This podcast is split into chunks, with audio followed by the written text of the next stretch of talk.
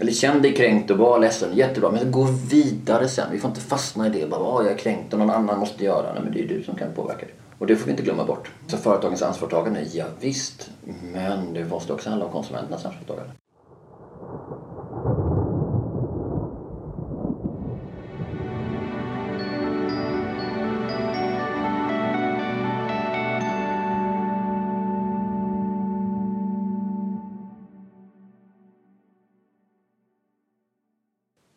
Gott nytt år och välkommen till det nionde avsnittet av Klimatpodden med mig, Ragnhild Larsson, som din värd. Något av det jag är mest nöjd med förra året är att jag fick för mig att starta den här podden. Det började som en idé i januari och i slutet av september sände jag det första avsnittet med Bo Norman. Tack till alla som har stöttat och peppat och kommit med synpunkter och förslag på nya gäster. Fortsätt gärna med det. Det är otroligt inspirerande att få träffa alla dessa engagerade människor som på olika sätt jobbar för en mer hållbar värld. Och trots att jag ibland lider av ganska svår klimatångest är det alla ni som agerar som ger mig hopp och en tro på att vi faktiskt kan fixa det här tillsammans. Jag är övertygad om att det är genom att visa på positiva exempel och människors engagemang och personliga berättelser vi kan förändra. Att bara redovisa fakta räcker inte. Jag är övertygad om att det är genom att visa på positiva exempel och människors engagemang och deras personliga berättelser som vi kan förändra. Att bara redovisa fakta räcker inte. Sedan förra avsnittet har klimatmötet i Paris ägt rum och meningarna är delade om det var en framgång eller rent av ett fiasko. Jag tänker så här. Allt kunde förstås vara bättre men till syvende och sist är det nu jobbet ska göras på nationell, regional och lokal nivå. Det är där förändringen sker. Och vill du veta mer om Parismötet så rekommenderar jag att du lyssnar på Svenska Dagbladets klimatpodd 2 grader. Årets första gäst är Per Granqvist, skribent, föreläsare och expert på hållbarhet, engagemang och företagsetik. Varje människas ansvar det är någonting som Per återkommer till flera gånger under vårt samtal som ägde rum i Stockholm i november. Han eh, pratar också om varför han tycker att H&M har gjort mer än många andra för ett hållbart mode. Och att hållbarhet helt enkelt handlar om att använda våra resurser på ett smartare sätt. Och varför vi måste sluta att vara teoretiska och istället prata om eh, konkreta exempel för att skapa förändring. Det hjälper inte att klättra på fasaderna, menar Per.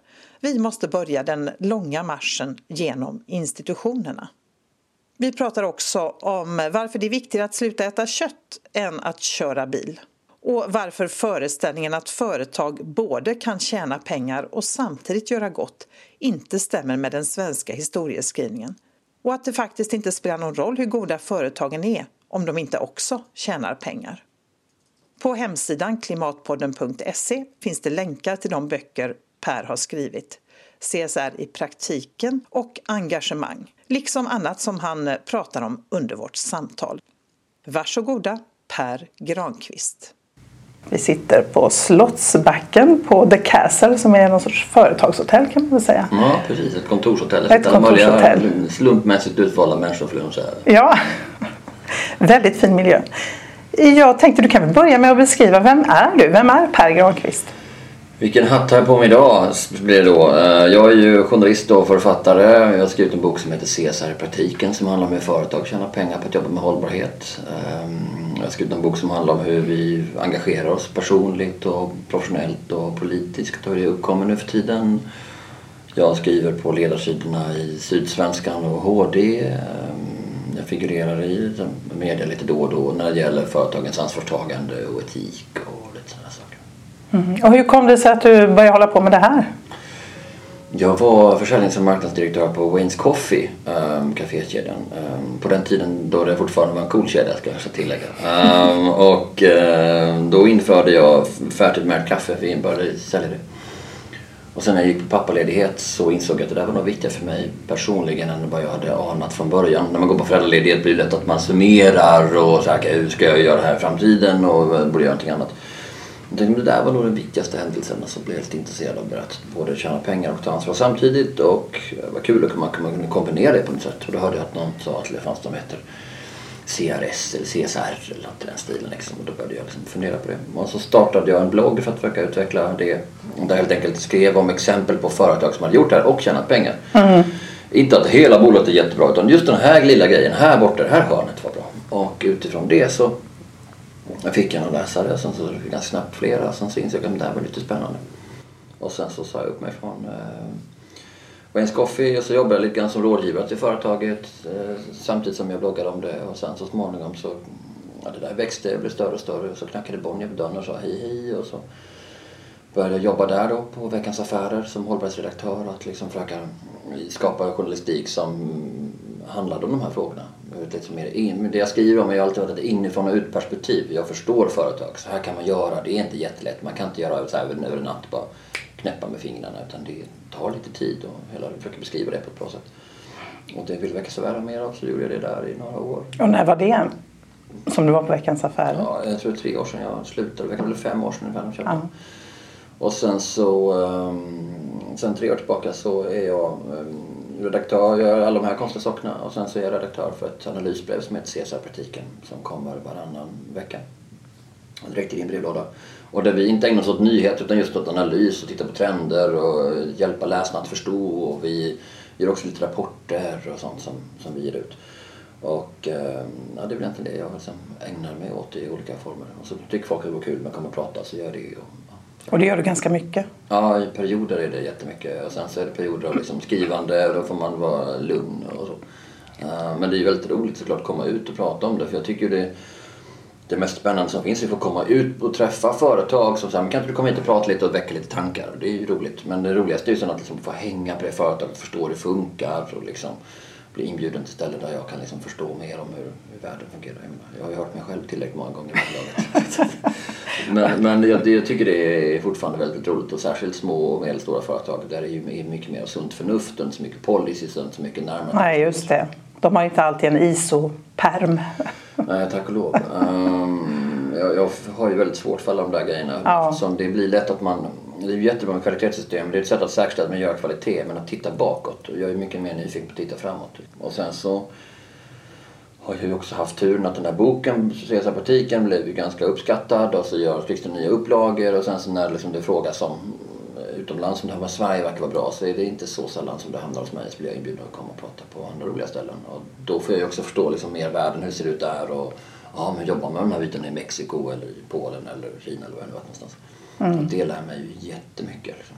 Gud vad vi är liksom självgoda här. Jag tänkte säga, är vi så bra som vi tror? Ja, vi är jättebra men vi är också väldigt självgoda. Liksom. Ja, men är vi inte det överlag när det gäller det mesta? Vi jo, tror att vi är världsbäst yes, på allt. We are the best country on earth, det är klart att vi tänker så.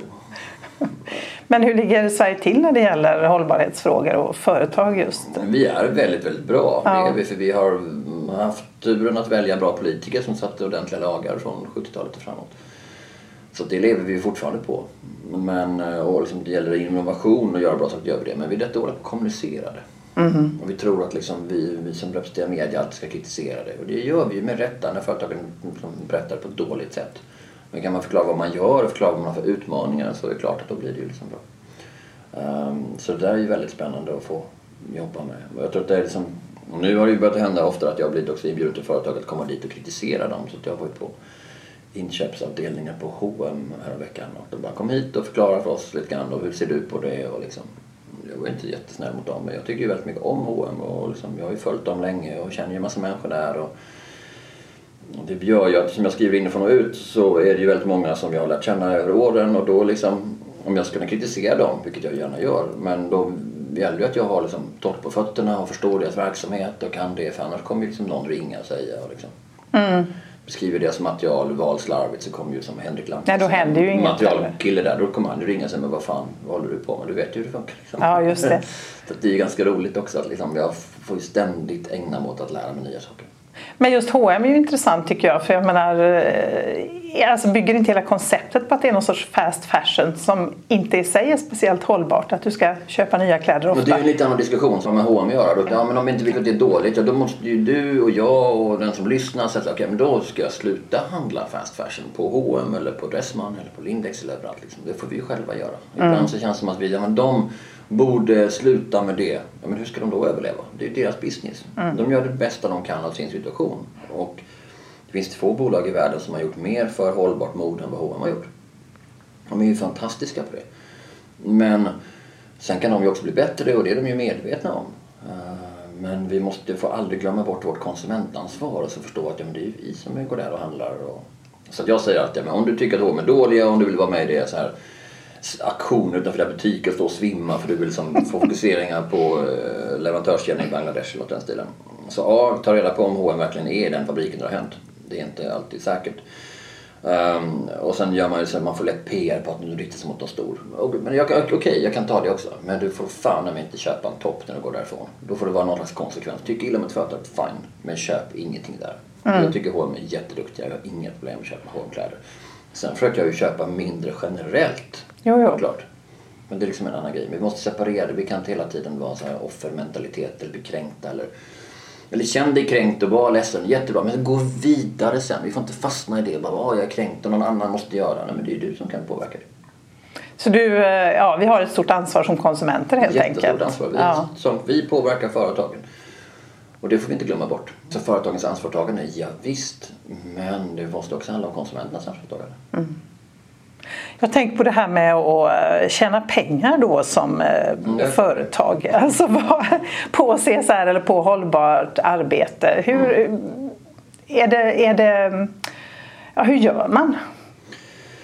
Det är jättelätt. Um, man slutar att tänka hur kan vi tjäna pengar på hållbarhet. Det är två abstrakta begrepp som ingen får ihop. Men om man tänker så här, men hur ska vi, vi har ett antal resurser. Vi har människor, vi har material, vi har monetära resurser hur ska vi använda dem på bästa möjliga sätt? Då är det så att resurser kan man bara använda på två sätt. Det ena är smart och det andra är dumt. Mm. Och med den förenklade liksom, uppdelningen så kan man säga, men nu ska vi ha lampa som är tänd här? Ska vi ha, använda så här mycket vatten? Ska vi inte använda våra anställda på ett smartare sätt? De kan ju en massa språk, kan vi inte lyfta in det? De har ju koll på andra kulturer, kan vi inte använda det? Så det blir en fråga om smart eller dumt istället. Och så fort man använder resurser smartare så sparar man pengar eller tjänar mer pengar. Alltså alla gånger. Det har aldrig hänt att någon bara, ah, men vi släckte lamporna på lagret och det gav inga besparingar. Utan genom att först ändra det beteendet så sparar man massa pengar. Och sen kan man använda det för att då går från ful el till fin el, förnyelsebar el. Man måste börja med den beteendeförändringen. Och då, det jag också säger då det är att det är, som, eh, det är viktigt att poängtera att när man säger att det handlar om smart eller dumt så är det ju inte att säga vad ni borde göra allihopa, kära svenska folket, det är att gå ut och köpa Per Granqvists bok CSR-praktiken. För den blir jättebra och kostar jättemycket. Det säger jag ju inte. Utan jag säger liksom att det handlar om smart eller dumt. Då kan vem som helst göra det. Ni behöver inte gå någon, något webbinar, någon utbildning. Utan det där sunda förnuftet finns ju överallt. Men det är bara liksom tillåta det i organisationen. Tillåt att folk kan tänka så. Ställ frågan, är det någonting vi gör dumt? Kan vi spara resurser här? Och då kommer det liksom helt automatiskt. I en svensk kontext så är det här ju ett kontroversiellt uttalande eftersom man tycker att ja, men företag ska inte tjäna pengar eller ska inte göra gott för de ska bara tjäna pengar. För så ser vår uppdelning ut. Vårt samhälle gjorde en uppdelning på 50-talet där vi sa att staten tar ansvar och företagen tjänar pengar och betalar in skatt och så fördelar staten det. Vi har ju så att en ganska aggressiv kampanj kan man egentligen säga från början av 1900-talet fram till slutet av 1900-talet där staten sa att i Sverige ska vi inte ha privat filantropi, vi ska inte ha donationer, vi ska inte ha någonting typ som är vanligt i alla andra länder. Därför att det blir som en attack på välfärdssamhället. Det är staten som ska sköta det, blir jämlikast, det blir rättvisast, det blir bäst. Och det innebär att när företag ändå ska ta ansvar så blir det indirekt en attack på systemet. Vi tror ju fortfarande att vi är världens bästa land, vi tror att vi har världens högsta skatter, vi tror att det är liksom för en massa saker som inte stämmer längre. Det passar inte riktigt in helt enkelt i den eh, modellen då? Det passar inte in i Eller den synen bilden vi har. av Sverige som vi har som inte längre stämmer. Nej. Vår bild är baserad på händelser på 30-talet och vi tänker att vi liksom hade Stockholmsutställningen där vi kom på att ja, vi är nog renare än alla andra. Vi hade Saltsjöbadsavtalet, vi tänkte att vi är nog fredligare än alla andra som kom överens. Vi hade andra världskriget som vi då var i situationstecken neutrala. Jag tänkte att vi är nog bättre än alla andra, vi är lite fredligare än alla andra. Och det tänkte vi, det är det som gäller fortfarande. Mm. Men det gäller inte alls det. Vi är fördomsfulla som 17 i det här landet. Vi är också väldigt öppna, men samtidigt. Mm. Så företag, att företag ska både tjäna pengar och göra gott, det stämmer inte i en, i en svensk historiebeskrivning där företagen har varit representanter för patriarkala bruksmiljöer och så var, varenda en av dem som kan raseras så tjänar vi på det. För partiet, Socialdemokraterna och facket äh, får ju nya medlemmar då. Det är bra och så blir de frigjorda och det är en jättebra tanke. Det är inte det. Det är bara att det liksom funkar inte riktigt så längre. Nej. Företag är mycket snabbare än politiker. Företag är globala, problem är globala politik är aldrig global. Politik är alltid lokal. Alltid förankrad till ett geografiskt område. De kan vi inte prata mycket som helst men det finns alltid liksom en navelsträng som går tillbaka till den valkretsen de har. Mm. Um, och därför så kan företagen förändra mycket snabbare. Så tror du, alltså nu är detta en klimatpodd då så, mm. och som ju hänger ihop såklart, klimatförändringarna hänger ihop eh, i allra högsta grad med hållbarhet. Men tror du att ansvaret eller att förändringskraften, var finns den då? För den verkar inte finnas i så hög grad hos politikerna. Den verkar i viss mån finnas hos vanliga människor, hos konsumenterna då. Mm. Hur är det med företagen? Förr pratade man ju om att vi valde politiker som ska representera oss och då ska de ha koll på våra frågor. Men om inte vi tycker och tänker något utan tänker man att vi har bara helt outsourcat ansvaret att tycka och tänka till politiker. Det är ju fel. De ska ju rösta å våra vägnar. Mm. Men det är inte så att de ska bestämma över oss på det sättet. De ska ha kontakt med oss. Om de inte vi tycker och tänker längre, då är det vårt problem. Vi har ju de politiker vi förtjänar.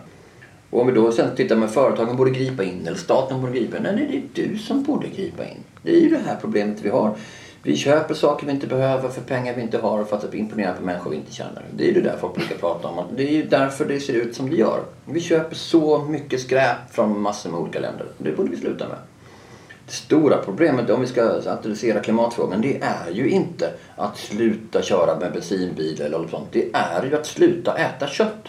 Sluta äta fisk, sluta äta fågel. Den klimatpåverkan som den har är ju liksom lika stor, om inte större, än all logistik. Det visar ju rapport på rapport på rapport. Men, ja, men rör inte min biff, säger vi. Jaha, eller så säger vi så här, ja, nu har jag minsann liksom, eh, jag kör meatless monday. Ja, du borde köra, liksom, det är inte liksom, köttfri måndag som gäller. Det är köttsöndag som gäller. Ja. Och då när du äter kött ska du äta bra kött. Ät gärna viltkött eller ät svenskt kött. Betala fyra gånger så mycket men ät bara en gång i veckan. Mm. Och det är ju fantastiskt att vi är där just nu.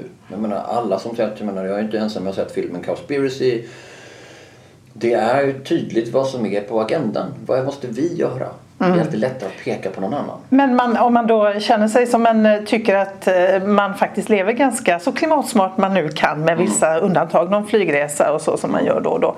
Eh, man kan ju också bli ganska trött, man kan ju känna sig otålig, tycka att det krävs ju ändå vissa beslut på någon sorts överstatlig global nivå. Alltså vi har Parismötet som kommer upp nu till mm. exempel. Och det sker ju nu. Det Parismötet kommer att bli bra. Sen frågan om det blir bra eller om det blir jättebra. Eh, du tror det? Ja, absolut. Eh, Vad är det som får dig att tro processen det? Processen ser helt annorlunda ut. Ja. Um, och det här har jag inte räknat ut helt själv utan jag lånar här en analys av Johan Rockström som jag träffade och pratade med om det här för inte så länge sedan. Han sa ju, men det är ju politikerna kommer ju uppvärmda till. Just det, de var tvungna att tala om vad det är de Den, eh, Först var det finansieringen i Addis Abeba, sen var det New York och då fick man träffa både påven och Leo DiCaprio. Det kan ju värma upp vem som helst. um, och sen så har man sett att det här är bra och det här funkar. Vi har ju provat alla andra lösningar utan att ta tag i klimatet och nu är det den enda lösningen som återstår. Uh, medan i, i Köpenhamn för sex år sedan så var det ju liksom att de kom dit och de var kalla och det var regnigt på Bella Center i Köpenhamn. Det var mycket prestige och de hade inte förhandlat färdigt innan. Det var klart att det blev bajs. Mm. Så att allting kommer bli mycket bättre nu. Sen är frågan om vi kan ställa om snabbt nog. Räknar man ihop nu så är det väl 2,7 grader och vi behöver ju komma under 2 grader. Ja, absolut. Men det är för att vi bara pratar om energi och vi pratar om koldioxid. Vi pratar inte så mycket om metan, vi pratar om växthusgas generellt. Men metan är mycket kraftfullare. Vi pratar inte om vad du och jag äter på tallriken. Om vi omedelbart slutar äta så mycket kött som vi gör och väljer smartare så påverkar det direkt. Mm. Så det är inte att ställa bilen som är det viktigaste du ska göra. Det är att sluta äta så mycket kött, fisk och fågel hela tiden. Mm. Det är där vi måste ta ansvar själva.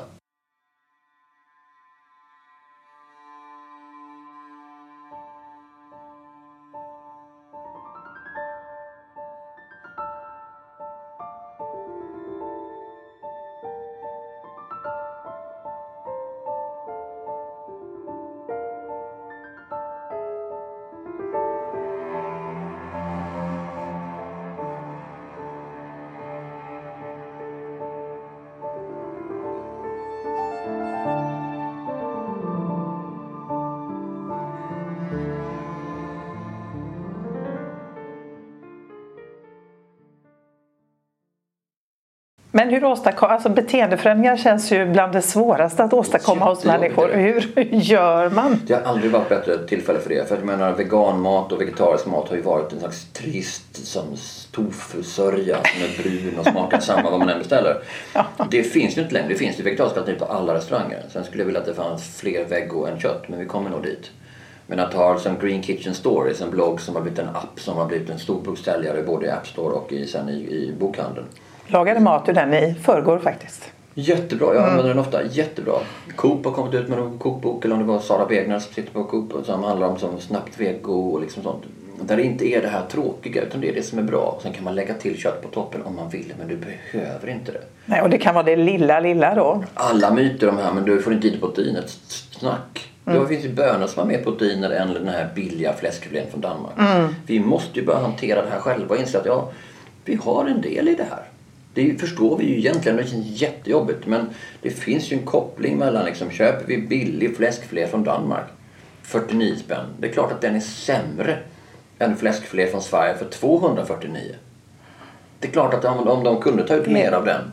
Men där verkar ju, alltså när man gör sådana här eh, till exempel konsumentsidor som man ser till exempel i den lokala tidningen i Göteborg, Göteborgs-Posten, ja. då handlar det oftast om den billigaste matkassen. Det är liksom det som gäller. Mm. Och svenskar med även ganska god ekonomi är väldigt fokuserade tycker jag ofta på det ska vara billigt. Nu börjar det kanske ändra sig men det har ju väldigt länge varit så. Jag köper kycklingen som kostar 25 kronor mm. och hur den sen har levt och vad den smakar det spelar liksom inte så stor roll för den var jättebillig. Ja. Men då måste man ju inse att det är någon annan som betalar ett ja. högre pris och det ja. inser vi ju egentligen. Men det är bara, lätt, det är bara lättare att säga det är någon annan och det är alltid Åsa Romsons fel eller det är liksom Johan Rockströms fel kan det säkert också vara på något sätt om man vill. Liksom. Men det är inte det det handlar om. Utan det handlar om att prata att det här är bättre. Vad vi däremot gjort historiskt sett är ju mycket så att du är dålig om du äter kött. Du är Just dålig det. om du, och det säger inte jag. Jag bara talar om det här är fakta. Säger du någonting annat så har du fel. Vi måste också prata mer i termer av vem har rätt och vem har fel. Det är fel att äta så mycket kött som vi gör. Det är fel att äta fågel, det är fel att äta fisk. Det är klart som fan att det är fel att äta liksom. Det spelar ingen roll om fisken är MSC-märkt och så här. När det är vi fiskebestånd som kollapsar överhuvudtaget. Om vi tar ut 3% eller 5% det borde inte ut någonting. Mm. Det borde vi göra istället. Ska, hur ska du göra? Ja men köp Green Kitchen Stories. Googla på nätet. På Pinterest finns det hur mycket bra recept som helst som inte utgår från kött. Nej. Då känner du dig smarta som matlagare. Ja, du får hacka mer. Men det är, du känner dig smarta som matlagare och all förändring utgår från att man känner sig smartare, man känner sig lite bättre. Men gud vad bra. Jag hade ju en Ford Fexie i fjol som alla andra när det begav sig. Jag tänkte gud jag köper om etanol, vad fiffig jag är. Och det handlar ju inte om att jag tänker gud vad bra jag är för klimatet. Jag tänker gud vad fiffig jag är. Alltså jag känner till det här om klimatet. Mm. Så det landar i mitt, min uppfattning om mig själv. Mm. Och sen så sålde jag ju den där bilen när jag insåg att det är dumt att ha bil och jag bor i innerstan och liksom så. Um, det är samma i Stockholm, Göteborg, Malmö. Man behöver ju inte ha ett bil. Nej. Men ibland behöver man ha tillgång till bil och därför är jag med i Sunfleet. Och det är Just det. Så jag har ju 1200 bilar över nu istället. Liksom. Och det är ju precis så man måste tänka. Men jag, nu känner jag mig smart av den anledningen. Mm. Då är det lätt att ändra sig. Om du kan göra att du känner dig smartare, gör det liksom. Mm. När, Förr i tiden så kunde vi prata om att ja, men nu ska ta en kopp kaffe. Men du måste tänka på att den måste vara ekologisk. Du måste tänka på att de på plantagen är så himla synd Men du skiter i det. Du orkar inte bry dig om det. Det är så mycket annat du ska bry dig om ändå. Mm. Men sen man tänk på att du faktiskt också kan lägga till kravsymbolen. Lägg till den där lilla Fairtrade-symbolen med en kille som vinkar för det är det som är symbolen. Gör det. Ja men just det, det kan jag också göra. Mm. Då tar man effekten blir exakt densamma. Jo, precis. Men vi tror gärna i Sverige att det handlar mycket om But here is a new policy we have developed or uh, you have to do this. Det funkar inte så. Det får ändras inte för att man får mer information. Det är inte, det är, problemet är inte att vi i världen, att, vi, att folk tänker åh det här med klimatväxt det har jag aldrig hört talas om, det var nytt. Problemet är att det känns jobbigt att ändra sig. Ja. Så hur kan vi göra det lätt för folk att ändra sig? Jo, genom att uppmana människor att tänka smartare. Mm. Dumma företag, tänk smartare och du kan också tjäna mer pengar på det. Det är klart att en del tänker att den där Per Granqvist verkar vara en cynisk typ. Han pratar jättemycket om pengar. ja, men tyck det då. Det är mm. okej okay för mig. Jag tar den risken. För vinsten av att jag uppfattas som cynisk i vissa sammanhang är att jag uppfattas som väldigt tydlig och trovärdig i andra sammanhang. Jag kan prata om hur H&M ska tjäna mer pengar. Jag kan gå in i diskussion med DHL. Så här borde ni tänka istället. Jag kan göra, om jag nu vill göra sånt. Liksom. Nu uttrycker jag mig i textform eftersom jag inte liksom är konsult. Men det, är ändå liksom, det blir den där typen av diskussioner som får folk att ah, just det ja. Och sen kommer det vara en del som säger så här, ja men jag tror inte på det och det kommer aldrig gå eller det, jag har inte sett det och så här. Och det är också okej. Ja, och det är kanske inte de man ska lägga sin energi på heller Nej, tänker för vi jag. ska ju tänka också på att vi ska vara energismarta i vår argumentation. Ja, just jag det. hur mycket som helst för världen om jag brinner upp så är, gör jag ingen nytta. Mm. Så att jag försöker ju umgås med de som har andra åsikter än mig i alla möjliga sammanhang och um, samtidigt jag också vänder mig till de som är redan troende för att ge dem, peppa dem mer. Men de som bara är kritiska mot Ja, det orkar man inte riktigt med. Nej, utan jag menar min favoritfunktion just nu det är ju liksom nya ignorera-knappen på Twitter. Och jag har ju ett sånt där gäng som hatar på, som följer mig på Twitter och jag ignorerar dem. Att blockera, då blir de bara ännu mer kränkta. Ja, Men nu ignorerar jag bara så, "Ah, ja men eh, ja, absolut, prata på det bara. Sen så sänker man ner som där glaskupa och kan du pratar. Ja, man kan ju säga att det är ganska högt tonläge i debatten. Jag vet inte riktigt vad det är som har hänt men det är ju extremt när man är på Twitter. Alltså, tycker jag. Sen beror det på vilka man följer och så men det är ju väldigt högt tonläge i Ja, nästan oavsett vad man diskuterar. Och man, man kastar liksom skit på varandra väldigt mycket. Kanske inte så mycket just klimatfrågan men eh, ja, CSR skulle kunna vara en sån. Ja, det finns ju alltid de som är ute och, och, och larmar och kanske sitter på någon ledarsida någonstans och, och tycker att det där är bara trams eller liksom att det där är bara greenwash eller liksom... Jo, för det har höger och ju... ena sidan vänster. Man är ju allihopa alla är skeptiska. Ehm, men då får de väl göra det. Mm. Jag, jag tänker inte ägna tid åt att försöka utbilda några liksom, ledarskribenter eller journalister som inte förstått den här grejen. Nej. Det får vara deras problem. Liksom.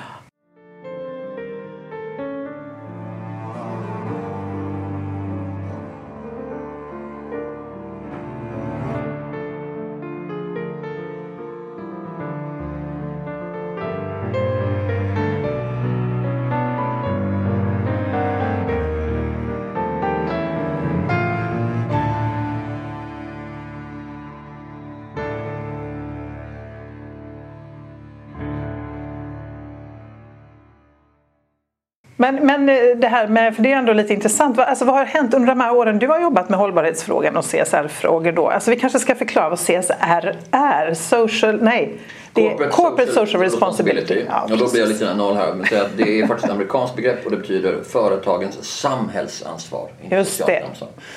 Men när det översattes till internationell engelska så går den nyansen förlorad. Jag tänker, men socialt ansvar är jättebra. Mm. Och så undrar man sig, men vänta nu, vad gör liksom Panasonic? De pratar om klimatfråga som deras CSR. Det verkar ju jätteförvirrande. Och vi hade problem med begreppen och då tänkte man vi dum, bort med dumma s CR istället. Ja, så kom CR. Eh, Fast CR handlar ju bara, så finns det corporate citizenship, ett amerikanskt begrepp som handlar också om tanken om att juridiska personer och företag har samma rättigheter och skyldigheter som fysiska personer. Att man är som en medborgare på något sätt. Men allt det där är förvirrande därför att ingenting tar hänsyn till att du måste också tjäna pengar. Det spelar ingen roll hur snäll du än är. Tjänar du inga pengar är det ändå kört. Det tjatar jag om och kommer fortsätta tjata om. Och det innebär att de inte kan ha en ekonomiskt uthållig modell. René Voltaires grejer är jättegoda och jättegulliga och allting liksom. Men om de smakar skit eller om hon gör dålig, om hon tjänar pengar på dem så kan hon inte fortsätta. Och då kan hon inte heller fortsätta förändra. Nej. Vi plockar marknadsandelar hela tiden. Och där gäller det hela tiden att, att jobba med det. Jag menar, vi har Oatly som ett fantastiskt exempel. De var ju ett jättetråkigt företag. Jag har tråkiga produkter i tråkiga förpackningar som är alternativ till allt det roliga. Du kan inte ha mjölk utan hej, här är jag med den tråkiga fula förpackningen.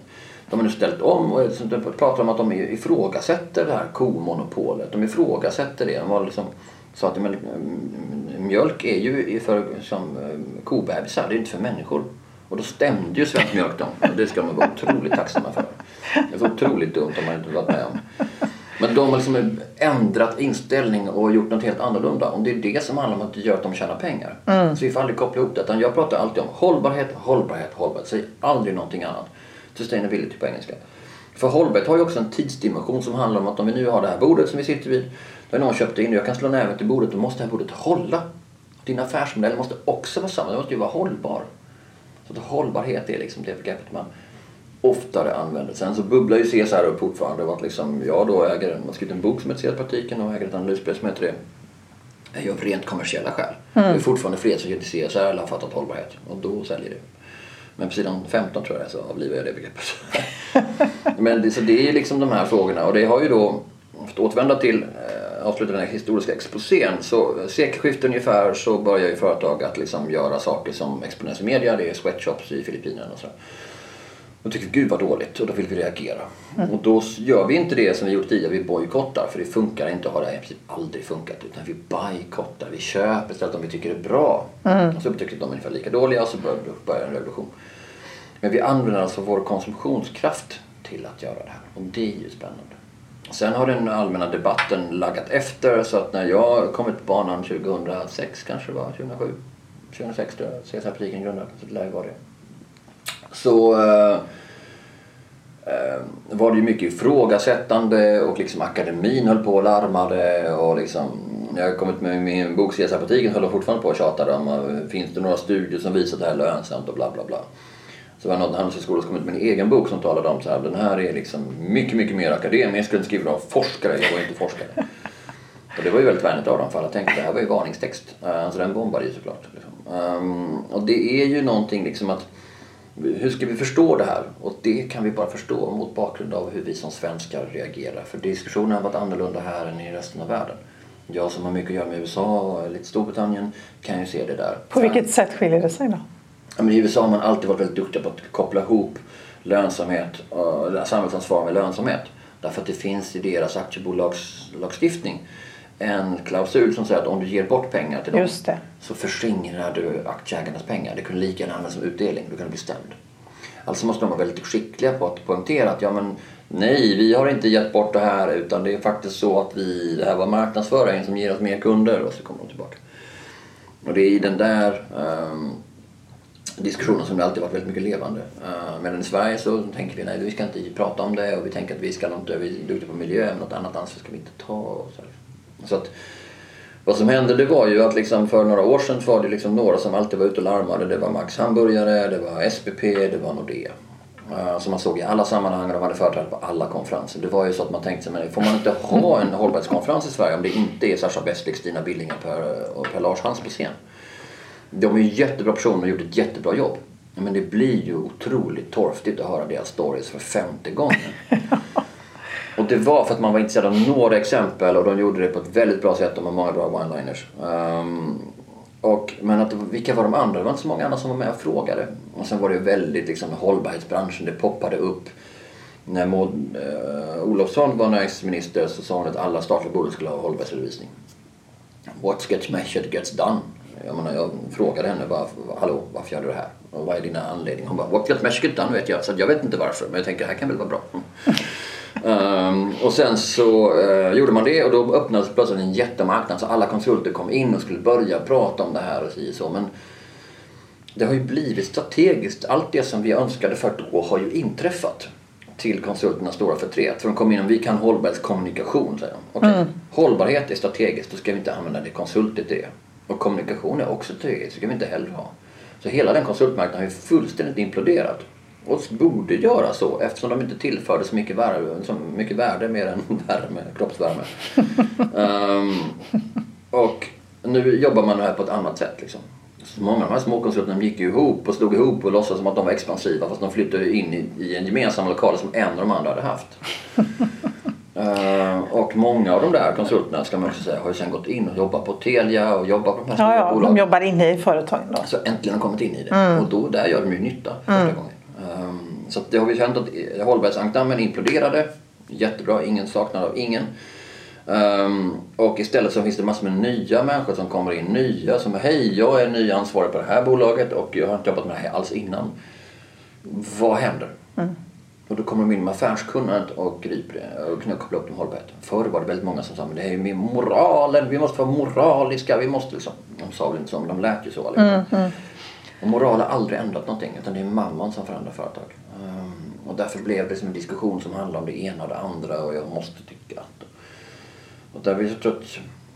Uh, jag är ju vit medelålders man så jag utvecklas ju ingenting. Uh, och därför har jag bara hållit på med exakt samma sak hela tiden. Och bara så här, men jag försöker förstå exempel efter exempel och skriva om det och göra en analys av det och det har vi ju gjort uh, länge. Um, och det tror jag liksom har det är ju ändå det som får världen att gå runt. Det var ju min analys då och det är nog den håller jag kvar vid. Liksom. Mm. Um, och det verkar som att fler tycker det också. Men CSR-praktiken, vi når ju 20 000 personer nu. Um, så det verkar som att det är någon som lyssnar. Liksom. Mm. Men också för att vi försöker skapa ett, det jag har velat bidra till är att skapa ett ekosystem Så liksom, det var ju massa nätverk som startade i Skåne och Göteborg överallt och hej hej och du kan vara medlem och, och då gick man på sådana här evenemang så var det bara en massa konsulter som försökte hitta kunder som hungriga vargar liksom. Det var inga får som gav sig in där. Um, men det jag försökte göra var att skapa ett nätverk på LinkedIn där alla kan se vem de andra personerna är, bidra, prata, delta. Öppet för alla, gratis liksom så. Um, men där man blir bestraffad om man försöker sälja hela tiden. Liksom. Mm. Och det är ju Sveriges största nätverk. Vi har ju 2000 tusen pers där. Liksom. Att hela tiden jobba med sånt och vi kan ha en bra diskussion om det har jag varit mitt liksom, eh, ambition. Att, att inte prata om att vi måste göra för klimatet. Ja, men vi har hört det nu.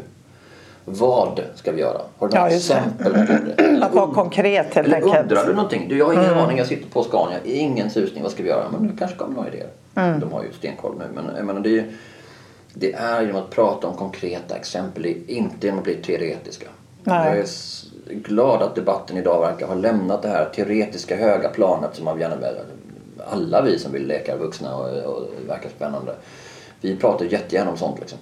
Åh, stort och viktigt och klimat och bla bla bla. Men det är ju det konkreta som avgörs. Ja, och det är ju väldigt svårt att ta till sig det där teoretiska ja, resonemanget och, och bli inspirerad. Man, man, man, man, kan inte ha inte förmågan att vara total som teoretisk. Och man vill inte hålla på att skita ner sig med verkligheten utan hamnar man i mitten och är man ju helt ointressant. Och vad gör man när man är i mitten? Ja, kan du ge man, något exempel? Ja, men då pratar man om att det är viktigt att och man borde och de här bolagen borde att och H&M borde minsann. Då är man i mitten. Man kan inte konkret säga att H&M borde förändra sockorna för barn på det här sättet. Jag menar, de borde ju göra som andra som har det som häftstift i sockorna. Det borde de lite tråd. Skit i det. På, I USA jag sett bolag som, limmar ihop de här. Då blir det går mindre material. Det borde de göra konkret. Eller H&M borde driva klimatpropaganda i sina butiker. På tal om de här viktiga frågorna. Konkret och abstrakt liksom, på samma gång. Mm. Men i mitten, de borde minsann och tycker att. Då blir det här liksom ointressanta. Och där är ju ett problem också i ett medialt perspektiv att det finns så få som är insatta i de här frågorna eh, i media tyvärr. Mm. Och därför blir det generellt sett om du säger hej, jag jobbar på det här företaget och vi har gjort det här. Så kan journalisten inte bedöma om det är bra eller dåligt överhuvudtaget. Och då ringer man till en expert och då ringer man till WWF eller någon annan och WWF kommer alltid säga att ja, det är dumt, bolagen borde göra ännu mer. För mm. det är deras roll. Och mm. rubriken blir att de är dåliga. Istället för att försöka säga men nej det är inte alls så det funkar. Utan de är faktiskt bättre än andra men de har långt kvar. Alltså vi, vi befinner oss i liksom en sån här soppa där vi kan bli en massa tänkande och det kan bli en massa tyckande istället för att gå exakt vad menar du? Mm. Man kan kritisera allting jag skrivit och det är man välkommen att göra. Mm. Om man kan kritisera och bli specifik. Mm. Det här är idiotiskt, det här är fel. Mm. Varsågod. Men larma och tycka hit och dit eller beskylla mig för att vara liberal eller beskylla mig för att vara kommunist vilket är inte lika Alltså det blir både och eller? Ja absolut. Um, Spännande. Det får man ju liksom. Det är, det är väl kanske ett eh, gott tecken. ja, jag tycker det. Um, men bli konkret då. Ja. Och de som sitter inne i bolag vill förändra världen och brinner för och alla de här studenterna som kommer att jag vill förändra världen. Ni kommer inte att göra det. det när man var mycket demonstrationer på våren 68 så sa liksom det var ju inte bara i Paris, det var ju i hela Europa, inte minst i Berlin och Frankfurt och sådär. Och det var det någon, jag har glömt vem det var, men en eh, tysk politiker som sa till ungdomarna att det gäller att ni liksom påbörjar den långa marschen genom institutionerna. Det är bara så ni kan förändra. Och en av de som lyssnade på det här rådet var Gerhard Schröder, en ung man som senare blev förbundskansler. Och det är, man måste den långa marschen genom institutionerna. Du måste liksom, påverka och prata och förstå att det här är svårt och att det här är jobbigt och så. Liksom. Um, och det är klart man kommer in och är naiv och jag satt med något möte för många år sedan nu med en bekant som jobbade på Vattenfall och sa men du, ni måste ju stänga Tyskland. Hon bara jättebra idé, det gör vi. och så blev det en stunds tystnad och sen sa hon fast just det, hur ska det lysa i, i, i Hamburg imorgon? Det är de frågorna de sitter med. Mm. Det spelar ingen roll om man klär inte över deras fasader, det är inte det som är problemet. Det är inte Nej. så det funkar. Det är inte informationsproblemet eller underskottet som är problemet. Utan det är liksom att det är, massa, det är komplext som sjutton det här. Och det måste man ta sig an. Mm. Men när man är ung så tänker man såklart det. Det är ju bara att. Jo. Jag har ju varit precis naiv om inte värre. Men vi måste förstå att det är en lång marsch genom institutionerna. Och jag är så glad att den här hållbarhets-Sverige har imploderat och inte finns längre. Uh, utan istället så är det massor av människor som gör det här som känns spännande. Som gör det konkret i sin vardag som gör det då? konkret, som gör det vettigt. Vi kan ha en bra diskussion. Jag menar, vem, vilken vettig människa går på de här trista hållbarhetskonferenserna som Sustainability Day eller läser de här miljörapporterna och sånt där. Det är klart att jag tycker, illa- att jag tycker de är sämre än CSR-politiken för att jag är partisk. Men sen tittar man så intresserar det inte näringslivet vill jag hävda att vara på liksom, att läsa om ny miljölagstiftning hela tiden. Så vill jag inte bli miljöchef. Men det är Nej. intressant. Nej, det är klart. Uh, själv somnar jag av det. Eh, eller på liksom de här konferenserna som även Veckans Affärer och andra och DI som har. När det blir för mycket prat om vad som är viktigt eller att det blir liksom att du är där för att mingla. Och minglet är ju bra men ha bara mingel då. Låt mig slippa de här reklamsegmenten på scenen. Där huvudsponsorn står och talar om hur himla bra de är är. bra det med. Vi förstår att de har betalat för att vara där. Vi kan media. Sluta behandla folk som att de är dumma. Jag menar, det är klart jag är också jätteavundsjuk. Har en visst folk betalar 3000 spänn för att komma och lyssna på reklam som någon har också betalat för. Jättebra idé. Men det är ingen hållbar idé. Uh, och där måste vi gå från. Jag, jag är så glad att fler och fler har liksom gör eh, saker, pratar om saker. Att CSR-praktiken, att jag inte har som lätt att vi ska in och göra konferenser. För att jag hittar inte ett bra sätt att göra det på. Nej. Jag, jag kan inte själv hitta någonting som känner det här. Det blir ytterligare en konferens om samma sak som man har Det pratat kommer om redan. låta som att vi gör exakt samma sak dessutom. Utan, men vad, vad skulle kunna vara mer spännande? Hur kan man få folk att sitta ner och prata om det? Ja, det, det kan nog inte jag bidra till. Jag kan bidra till att liksom vi skriver om, om gör analyser och skriver om exempel. Det kan sätta myror i folk eh, huvud. Men liksom, det är jättesvårt att göra sånt där. Utan det måste komma underifrån. Och då är det som konkret exempel. Få folk att känna att jag vill ändras. Det är då man får folk att ändras.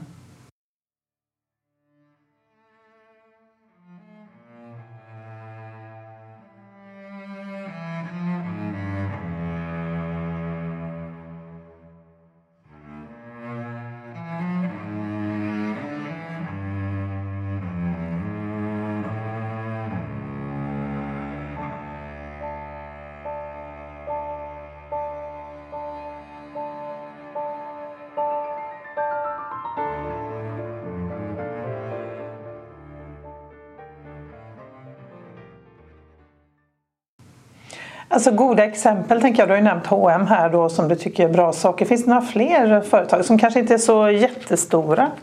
Det finns ju hur många som helst. Problemet med är att när småföretag de har inte lika samma resurser på att kommunicera överhuvudtaget. Nej, precis. De kommer säga varken vad de gör bra eller vad de gör dåligt. Fast det finns ju sociala medier tänker jag då. Jo, men det är sociala medier all är ära, men vi vet ju själv hur mycket det är bra initiativ som görs som bara drunknar för man Jo. når liksom inte ut. Nej, det är Ehm, sant. Men jag menar, det finns som bra företag som gör bra saker, men det saknas ju inte. Ehm, det finns de som, och jag kan säga vilket som helst och det är nästan så att man alltid kommer att känna till dem där. Jag tycker att det finns ett intressant bolag som heter Finisterre som är ett brittiskt bolag, Cold Water Surfing Company, som gör eh, kläder för surf. De har ett hållbarhetstänk som är bra, och de har en fantastiskt fin story och de pratar inte så mycket om hållbarhet men man fattar att de har stenkoll. De har samma, det är som en brittisk motsvarighet till som Patagonia fast de började ju med klättring istället för surf. Jag tycker det är intressant att titta på de här nya företagen som gör det eller bolag som ett av mina favoriter är Sugru som gör alltså en reparationsmassa som är som silikon som du kan använda för att laga ett kantstött hörn eller för att foga ihop någonting. Eller gör, det gör dina grejer bättre. Because the world needs fixing är deras grej. Sugru.com har de. Och går man in där så är det liksom en miljard stories för du och jag har lagat diskmaskiner och Toy Story-gubbar och vad det nu kan vara. Det är liksom en community man kommer in i som handlar om att just det, det är det här det handlar om. Att reparera det vi redan har. Inte köpa en ny tröja men bara tänka att den är liksom eko-reko. Och Det finns mycket sådana där initiativ jag hela tiden ser. Och, eh, men också bolag som, jag menar, jag tycker väldigt mycket om att Volvo gör jättemycket bra grejer. Liksom. De har start-stopp-funktioner i bilen, de tänker, de försöker verkligen. Nu har de stora bilar. Men de äger ju också Sunfleet som är en bilpool liksom. Tillsammans med Hertz. Så det sker ju grejer överallt och det tycker jag är väldigt spännande. Och sen finns det, det finns hur mycket små bra bolag som helst men det är svårt att upptäcka dem om man inte hela tiden håller på och, och skannar marknaden. Ja, just det. Ehm, Men ett, en annan favorit jag har i, från mina hemtrakter är ju eh, som Organic Oil Company som finns i Malmö då. De vill göra hudvård som är eko och reko. Och så insåg de att det här kanske andra också vill. Så att de, de säljer både enskilda produkter och så säljer de ingredienser och hjälper dig att göra dina egna grejer. Just det, det har jag faktiskt sett. Ja. Det är ju en intressant snack om att visa att, vi, att en, inte, inte transparens, för jag tycker det är ett överanvänt ord, men det är ju en ärlighet i det som är fint. Liksom. Mm. Och då kan man prata om det är du som kan göra det och det är det vi måste göra. Det är du som kan göra det här. Du kan göra ett val. Eh, Du kan tänka smartare. Mm. Och ska vi jobba med att få till de här klimatförändringarna så är det inte länder eller stora företag eller sånt som bara ska göra det. Det är också du och jag. Det är Mm. vi som måste gå istället för att liksom ta bilen. Det är vi som måste ändra och inte äta liksom, eh, produkter från djurriket hela tiden.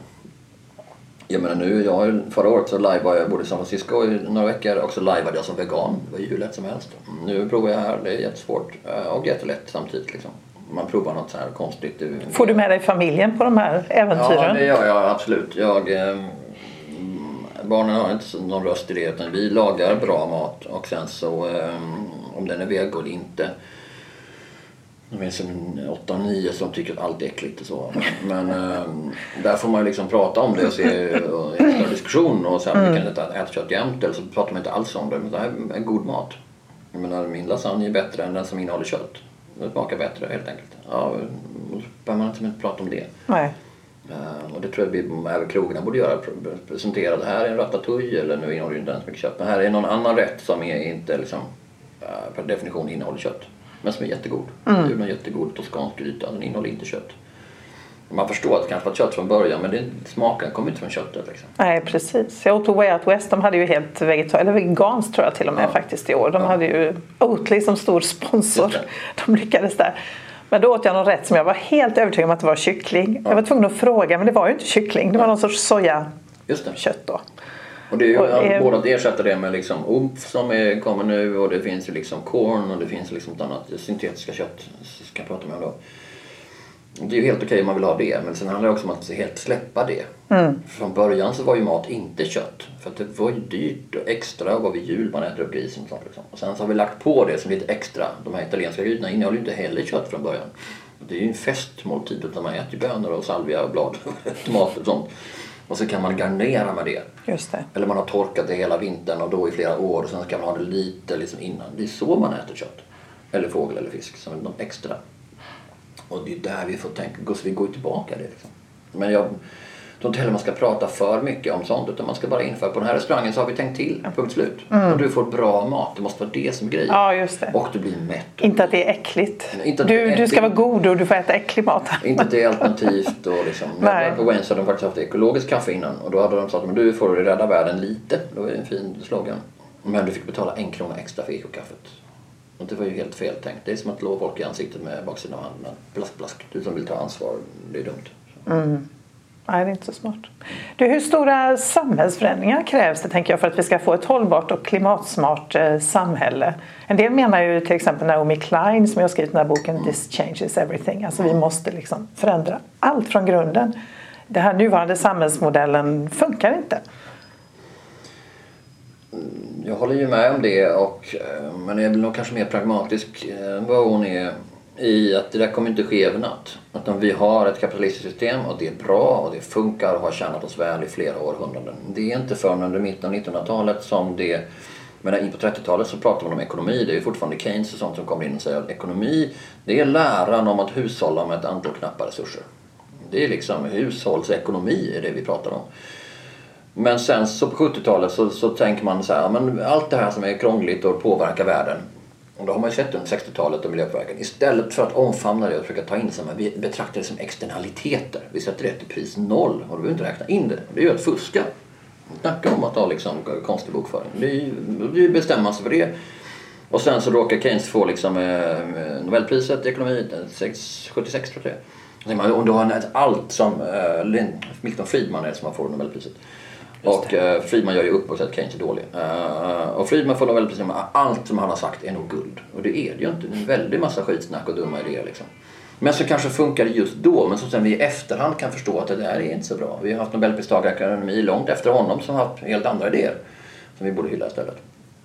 Men det är väldigt lätt att det blir någon annans ansvar allt det andra. Vi ägnar oss bara åt det här. Likväl har vi systemet. Vad vi måste göra att vi använder systemet på annorlunda sätt. Sätter ett pris på det. Sätter pris på liksom växthusgaser av olika sorter. Att vi liksom tar in det. Och sen börjar räkna som systemet. Så att ja, det kommer att förändra. Jag tror ju att hållbarhet kommer att förändra mer de kommande tio åren vad internet gjort de föregående tio åren. Därför att det handlar om smart eller dumt. Och när alla förstår det så kan ju alla förändras. Alla kan inte göra internet.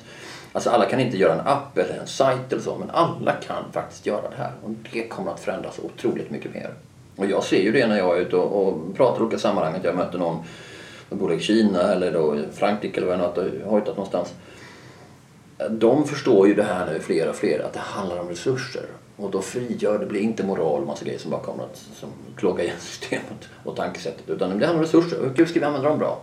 Och då plötsligt händer det jättemycket saker ja, det kommer att förändra jättemycket och det är bra för att det vi har nu är på många, många sätt väldigt dumt. Vi behöver göra det bättre på alla möjliga håll och kanter. Um, kommer det ske över natt? Nej, det gör det inte. Vi kommer, man brukar säga att man underskattar hur mycket man hinner på ett år. Men man, man, man, eh, eller man överskattar hur mycket man hinner på ett år men underskattar hur mycket som händer på tre år. Så ska det vara. Ehm, och det tror jag verkligen vi ser. Titta tre år tillbaka och förstå vad som händer. Titta tio år tillbaka, hade vi inte iPhone. Alltså förstå, det kan hända väldigt mycket väldigt snabbt.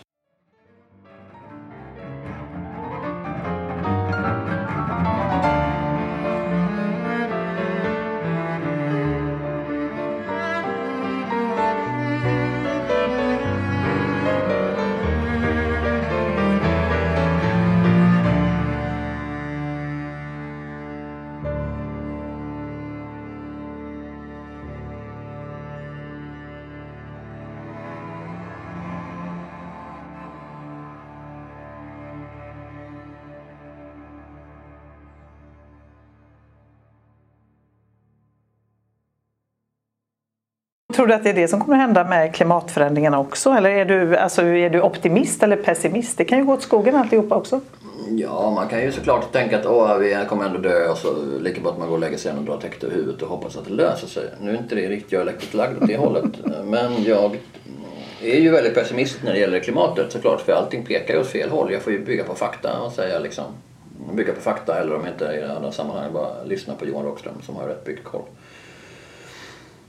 Men jag är också väldigt optimistisk när det gäller företagen. Och när det gäller det vi kan göra. Det vi som medborgare måste göra det är att ta tillbaka vår... Eh, bli engagerade var och en av oss. Och som så här, jag kan också göra någonting. Ja, på det stora hela taget är det du gör helt meningslöst. Men om det är många som gör det så får det jättestor effekt direkt. Jag menar, jag lever extremt klimatsmart tyckte jag till för ganska nyligen när jag började liksom liksom, jag har alltid, jag har inte ätit så mycket kött men nu när jag verkligen aktivt tänker välja bort liksom, eh, produkter från, från äh, djurriket så märker jag direkt att min klimatavtryck minskar så att säga. Men sen vill jag inte, jag kommer inte vara, jag kommer inte, min plan är inte att vara vegan på det här sättet som är så jobbigt. Att oj, nu kan inte jag äta det här och har du det här istället. Oj, för det blir ju också besvärligt. Mm, det blir jobbigt socialt. Utan istället vara medveten om det jag äter. Och analysen av det är att vi måste sluta mindre. Du kan inte kalla dig miljövän om du äter kött så mycket som folk gör i allmänhet. Fisk, kött, fågel. Sluta! Det är inte trovärdigt. Är det det viktigaste vi kan göra låter det, det som lite är viktigaste vi kan göra. Vi mm. snackar om att vi inte skulle ha flaskvatten och vi skulle inte köra SUV. Det här är viktigare. Större påverkan. Mm. Sluta köpa billigt kött för det har en pris. Ja men jag har inte så mycket pengar säger någon. Nej, ännu större anledning till att inte köpa kött. Men när du köper var femte gång, köp tre gånger så dyrt så har du ändå sparat två gånger. När vi var små på 1900-talet, så gamla är jag, så fick vi köttfärssås på skolbespisningen som alltid var utspädd med riven morot. Och sen som man själv började göra tänkte man, fan nu går det lite bra nu så nu skiter jag i morot och man ska göra det själv. Och det smakar inte lika gott. Nej. Det är saftigare och det minskar klimatpåverkan. I alla Max hamburgare så har de potatis. Det är någon slags norrländsk idé därför att det gör det saftigare och det funkar jättebra. Men det blir också lite klimatsmartare. Så 100% nötkött, det är faktiskt bara dumt. Mm. Det är bättre att det är från Sverige än att det är någon annanstans och så men ni börjar tänka på det. Se det som att det här är en jättemöjlighet, jätteroligt att prova och utsätta sig själv för det och liksom se vad händer när jag bara gör det här? Hur reagerar jag? Är det svårt att få tag på havremjölk? Nej. Är det svårt att hitta tofu? Nej. Smakar tofu skit? Ja, det smakar jättedåligt. Så hur ska jag göra istället för att det ska smaka bra? Ja, men kanske måste lära mig marinader, jag köper färdigt. Eller liksom. Jag tycker illa om tofu. Samma som jag tycker illa om älg. Eller vad det nu kan vara. Och så lär man sig. Mm. Du får ju upptäcka, gå i matbutiken på nytt. Upptäcka att en del tomater är dåliga. Och sen så upptäcker du att du kan grodda hemma, jätteroligt. Var, men som tar det steg för steg. Eh, när jag berättade det här för min partner så sa min partner omedelbart, ja, men, eh, vad ska man ersätta saker med? Liksom, eh, ja, du kan ersätta eller du kan inte något bättre. Men korvstroganoff, vad ska man ersätta? Ja, då kan man googla så är man, det är typ ostronskivling som man ska ersätta falukorv med. Bra. Nu köper vi ostronskivling så odlar vi det så provar vi. Inte vet jag hur det går liksom. Det är jättelätt att odla och sen så glömmer. Spännande. Ja, och så man, jag är så här nyfiken. Bara, det är kul, då får vi prova det. Ja. Det kanske blir bajs. Ja, okej, då har jag lärt mig det. Men det är ju att prova och vara nyfiken utforska. Liksom. Du kan ju inte stanna upp och säga ah, det här är på väg åt helvete. Eller det här kommer inte gå. Eller vårt företag kommer inte kunna ställa om. Eller jo, du kan faktiskt göra det. Men du måste också vara beredd att det blir, att det blir tråkigare och att ditt företag dör. För om resten av världen ställer om, ska du då stå still och sura? Men de stora företagen ställer ju inte om innan, så de har ju inte ställt om. De har ju ställt om allihopa. Du har ju Unilever, du har ju Coke, du har ju Walmart. Du har ju bolag som tidigare sa de här är ondskefulla. Inte alls. Men och, och hur de också faktiskt börjar prata om det. Eh, Coke vill ju in, ska ju inte ställa om till att ha liksom, eh, ekologiska ingredienser utan de ska ställa om att bara som, sourca sina produkter från ett hållbart jordbruk. Som är något annat. Det är kanske inte säkert att det är ekologiskt i alla sammanhang. Man ska göra på något annat sätt. Det kanske är att man inte använder bekämpningsmedel ändå. Men det kanske ska ha ihop ett system. Det öppnar ju upp för att det är mer komplext än att bara köpa någonting med ett märke eller bara göra det här. Världen är jättekomplex och när man bara tänker på det får man ont i huvudet. Man blir helt varm. Men sånt är livet. Ja, och inte det ett av problemen tänker jag att det just är så komplext vilket gör att media till exempel får svårt att skriva om det för där är det ju den traditionella mediedramaturgiska modellen är ju väldigt svartvit. Vi har de onda, vi har de goda. Jo, jo, vi säljer ju på konflikt. Ja, och säljer på konflikt, precis. Menar, jag är ju oerhört glad över liksom förtroendet att skriva på i HD och Sydsvenskan eftersom som är på ledarsidan skriver man där och jag är väl den första som i Sverige som skriver där med en bakgrund av att förstå hållbarhet. Sen kan jag ju tala med om precis vad som helst om jag vill.